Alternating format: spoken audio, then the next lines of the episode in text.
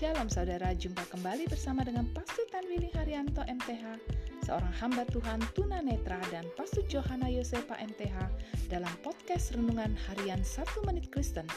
Di dalam podcast ini, kami membagikan kebenaran dari Alkitab yang dimulai dari kitab kejadian sampai kitab Wahyu.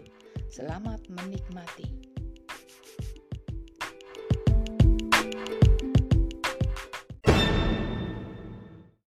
Shalom saudara berharga mata Tuhan, senang dapat jumpa dengan saudara.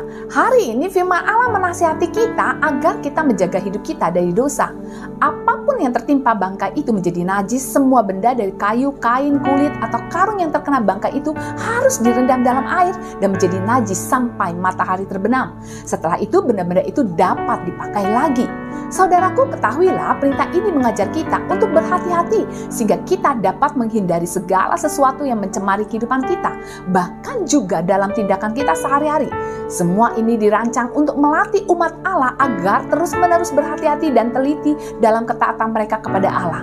Dan untuk mengajar kita juga yang oleh Kristus kita dimerdekakan dari upacara-upacara yang memberatkan ini. Kita harus sama tekunnya menjaga jiwa kita yang berharga dari kecemaran-kecemaran dosa. Dan jika kita telah berbuat dosa, segeralah datang kepada Allah untuk mengakui dosa kita dan meminta pengampunan daripada Allah. Allah yang penuh belas kasihan pasti akan memberikan pengampunan. Untuk itu, jagalah diri kita agar tidak dicemari dosa. Amin.